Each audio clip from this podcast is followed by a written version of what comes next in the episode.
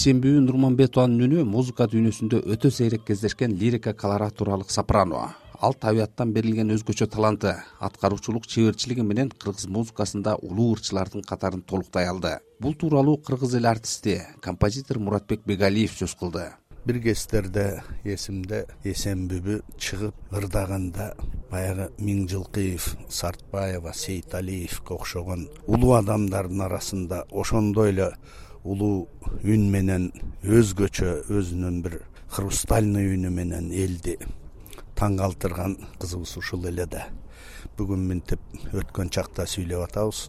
Баягы өлбөгөн адам жок бирок баягы кылган эмгегинде баскан изинде ошону тандап талдай биле алабыз да.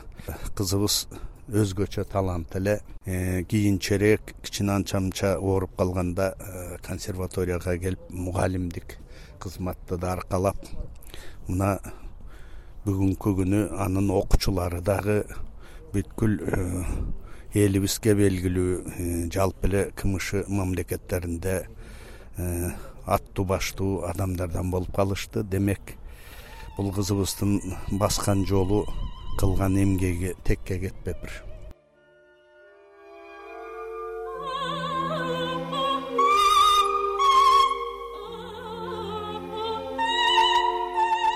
нурманбетова орус композитору александр альвеевдин булбул казак композитору хамидинин булбул насыр давлетовдун таң булбулун калый молдобасановдун ыр романстарын жана башка кыргыз композиторлорунун оончуларынын ырларын зор чеберчилик менен аткарып келген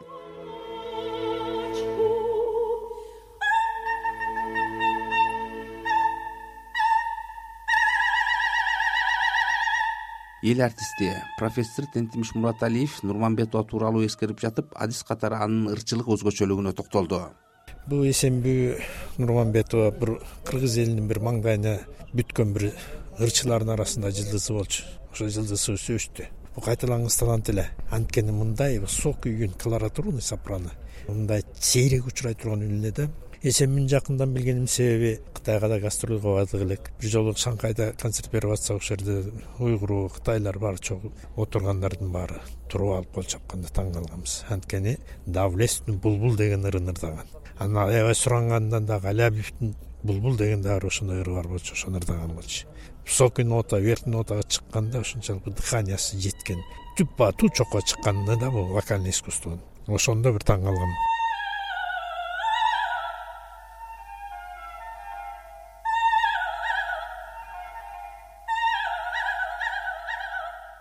мураталиев кыргыздын ырчылык өнөрүндө эсенбүбү нурманбетова бирден бир талант эле дейт экинчиден эсенбүнү мен билип калганымдын себеби мен өмүрлүк жарым айнагүл мураталиевде окуган.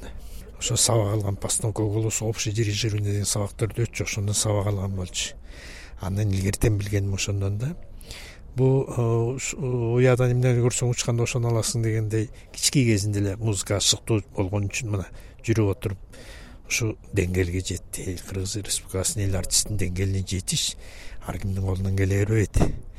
Өзгөчө могу биздин исполнительский искусство деп вокальный искусство ушуларда кыйын. Ал эми ырчылар бар эмес той ырчылар эми алар башка кеп.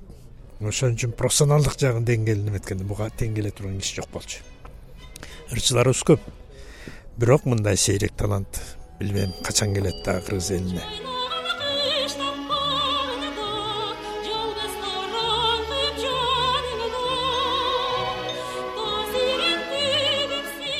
эсенбүбү нурманбетова бир миң тогуз жүз жетимиш сегизинчи жылы кыргыз мамлекеттик кыз келиндер педагогикалык институтун бир миң тогуз жүз сексен төртүнчү жылы бүбүсара бейшеналиева атындагы кыргыз мамлекеттик искусство институтунун аваздык оркестрдик факультетинин жеке ырдоо бөлүмүн бүтүргөн ошол эле жылы абдуллас малдыбаев атындагы академиялык опера жана балет театрында опера ырчысы болуп иштей баштаган. Бир миң тогуз жүз сексен жетинчи бир миң тогуз жүз сексен сегизинчи жылдары москвада чоң театрда билимин өркүндөтүп сссрдин эл артисти профессор лисициандын классында сабак алат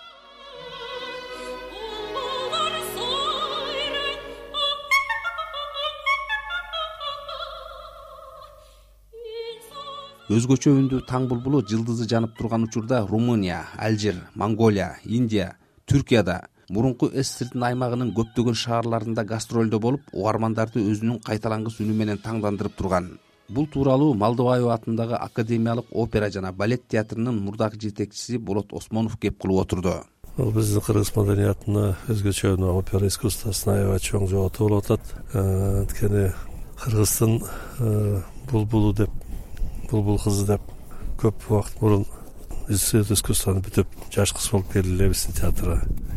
Ушу биздин театрдан өнүгүп өсүп чыгармачылык жагынан баардык жагынан э, кыргызстандын эл ассоциациясына чейин ошо наам алып элге белгилүү таандуу болуп э, кыргызстан эмес көп көптөгөн мамлекеттерге барып э, өзүнүн өнөрүн көрсөтүп кыргызстандын искусствосун баарын тиги ошентип көрсөтүп келип жаткан адам эле эсенбүбү чоң театрда стажировка барып келди. Эле андан кийин мынакей театрдан кеткенден кийин консерваторияга барып иштеп аяктан жакшы жакшы мыкты таланттуу окуучуларын чыгарып атты эле нурманбетова опералык ырчы катары чыгармачылык жолунда көптөгөн белгилүү партияларды аткарган. Мисалы айтылуу айчүрөк операсында калыймандын ажалоордунда музыкалык драмасында зулайханын токтогулда валентинанын насыр давлесовдун аста секин колуктуусунда зияданын жумакадыр каниметовдун ак мөөр опера легендасында ак мөөрдүн мындан сырткары дүйнөлүк классикадан ондогон партияларды сахнага алып чыккан.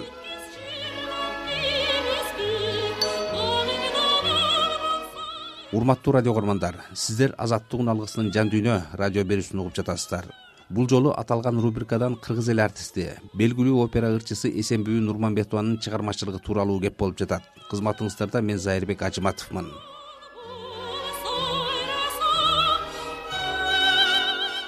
Эсенбүбү нурманбетованын балалыгы талас облусунун арал айылында өткөн. Ырчынын айылдашы үрүстөм кабылбеков замандашынын өнөргө шыктанып жүргөн учурларын эске салды. Бир айылдаш болобуз. Эсенбекөөз коңшу болобуз кичинекейибизде ушул билем мектептен келе жатсак эсен эже мандарин ойнойт эле. Эсен эже менден беш жаш улуу. Эсен эженин иниси менин классташым болот. Ушу кичинекейинде ушу мандарин чертип ырдаган кыз болот эле. Анан кетти шаарга окуп анан немени бүттү кимди бүттү бул жемпет жемпетти бүтүп анан ушу менен ийгиликтер жарата баштады.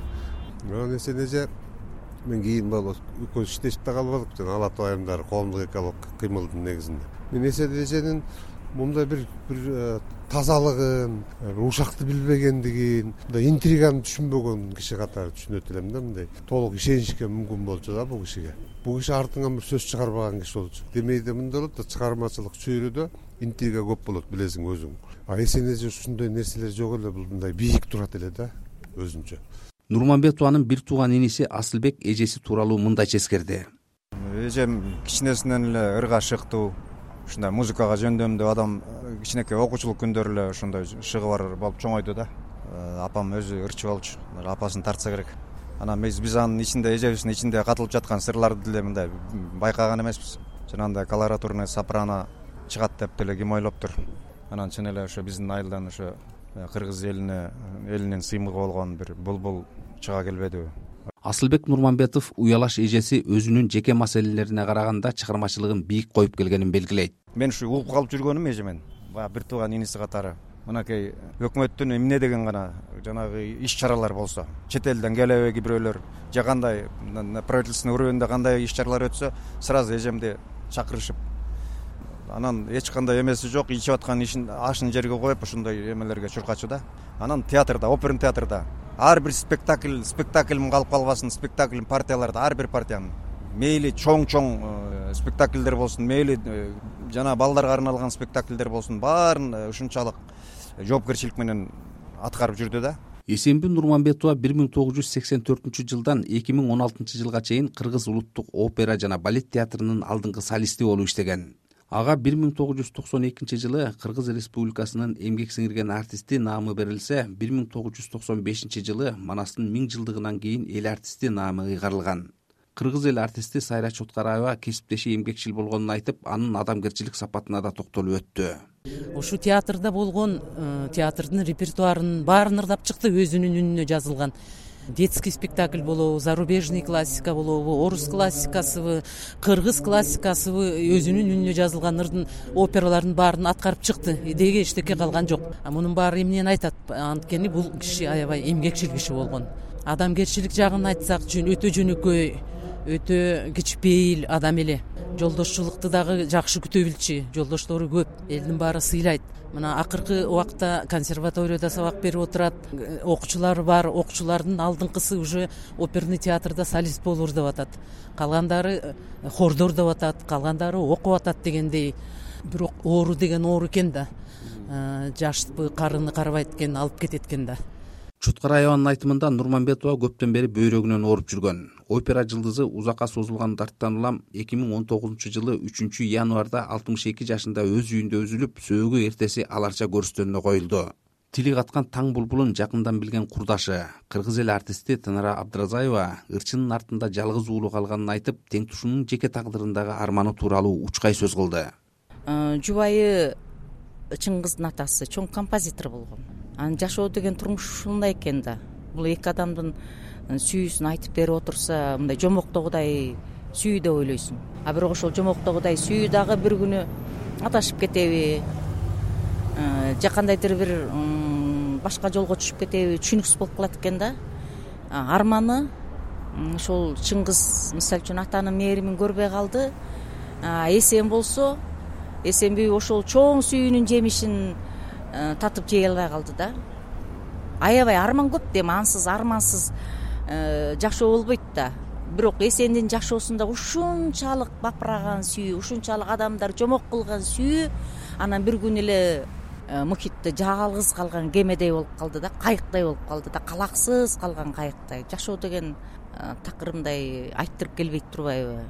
Албетте арман аябай чоң абдыразаева курдашы сахнада өжөрлүк менен чоң чоң партияларды аткарган ырчы болсо да эч качан жулунбаган өзүнүн атак даңкын чыгарууга умтулбаган инсан болгонун кыстарды.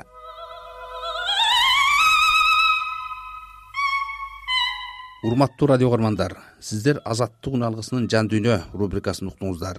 Бүгүн аталган радио берүүдөн кыргыз эл артисти белгилүү опера ырчысы эсенбүбү нурмамбетованын чыгармачылыгы тууралуу кеп болду аны мен зайырбек ажыматов сунуштадым. Жан дүйнөңүздөрдө дайыма тынчтык болсун